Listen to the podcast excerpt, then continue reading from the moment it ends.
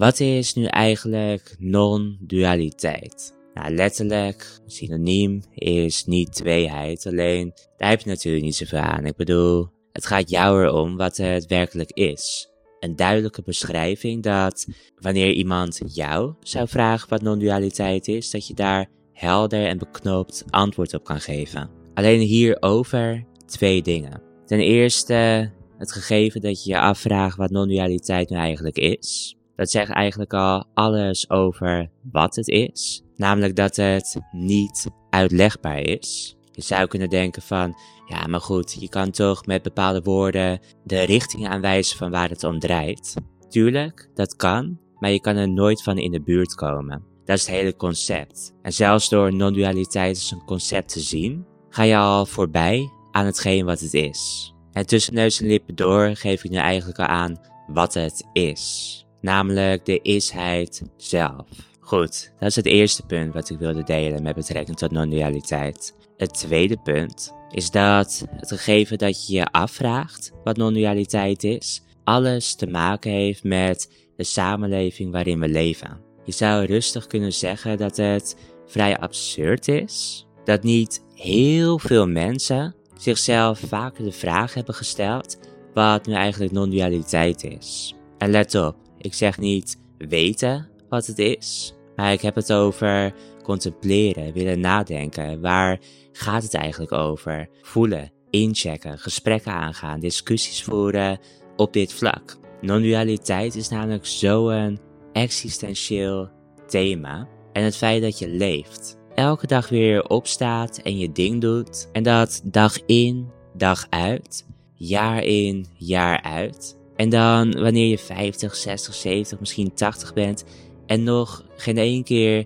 deze vraag hebt gesteld, wat nu eigenlijk non-dualiteit is, dan geeft het natuurlijk aan dat onwetendheid op dit vlak, ik geef dan specifiek aan op dit vlak, blijkbaar prima was. Alleen jij als luisteraar hiervan vindt het misschien lastig om voor te stellen. Je vindt het misschien lastig om een idee te krijgen van hoe iemand zijn hele leven kan leven en misschien ergens op zijn of haar sterfbed zich afvraagt hoe het leven nu eigenlijk tot stand kwam. Wat er aan ten grondslag gaat. Oftewel, wat gaat er precies schuil achter alle verschijningsvormen? Hoe heb ik mijn leven kunnen leven? En hoe ben ik op dit punt terechtgekomen? Hoe kan het dat ik mezelf deze vragen kan stellen? En wie ben ik om deze vragen te stellen? Nu stel ik zeker niet dat een wereld vol filosofen een utopie is en de oplossing vormt voor alle problematiek waarmee we te maken hebben. Want veel filosofen kunnen ook compleet voorbij gaan aan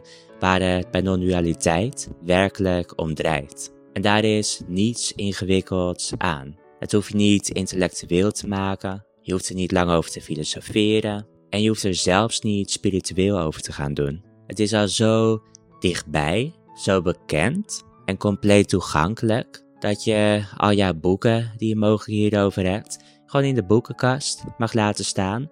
En dat je door gewoon te zijn, al tot de herontdekking komt van waar non-dualiteit om draait. Er is dus in die zin niets exotisch of mysterieus aan. Het is niet iets buitengewoons of iets dat weggelegd is voor slechts enkelingen. Het is iets waardoor wij in staat zijn om nu met elkaar in gesprek te zijn, dan wel in een monoloog vorm, maar dat tezijde.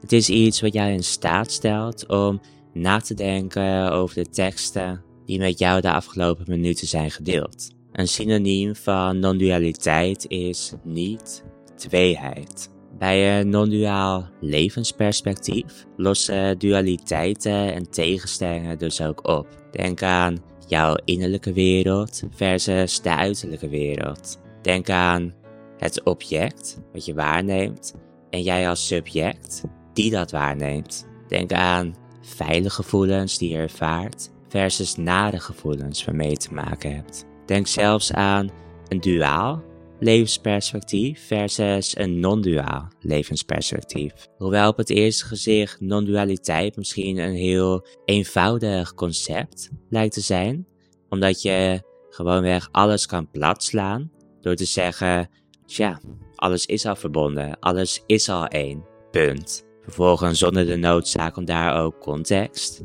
bij te geven. Maar dan heb je het mis, omdat non-dualiteit namelijk alle complexiteit in zich heeft. Het is de drager van de complexiteit in het leven die je ervaart. En wat non-dualiteit nog extra ingewikkeld maakt, is dat het nooit uitgelegd kan worden, maar dat elke uitleg het al is en daarin plaatsvindt, wat beide één is. En daarbovenop heeft het ook nog eens te maken met een heleboel paradoxen. Maar voordat ik te ver uitweid door allerlei tegenstrijdigheden te benoemen, laat ik die voor nu even in het midden, omdat je het concept niet ingewikkelder wil maken dan dat het al is. Dus wat heb je te doen om het te begrijpen, om het werkelijk te begrijpen? Nou, niet zozeer om een bepaald boek open te slaan of een cursus te gaan volgen, maar puur om vanuit de stilte een moment te pakken om naar binnen te gaan,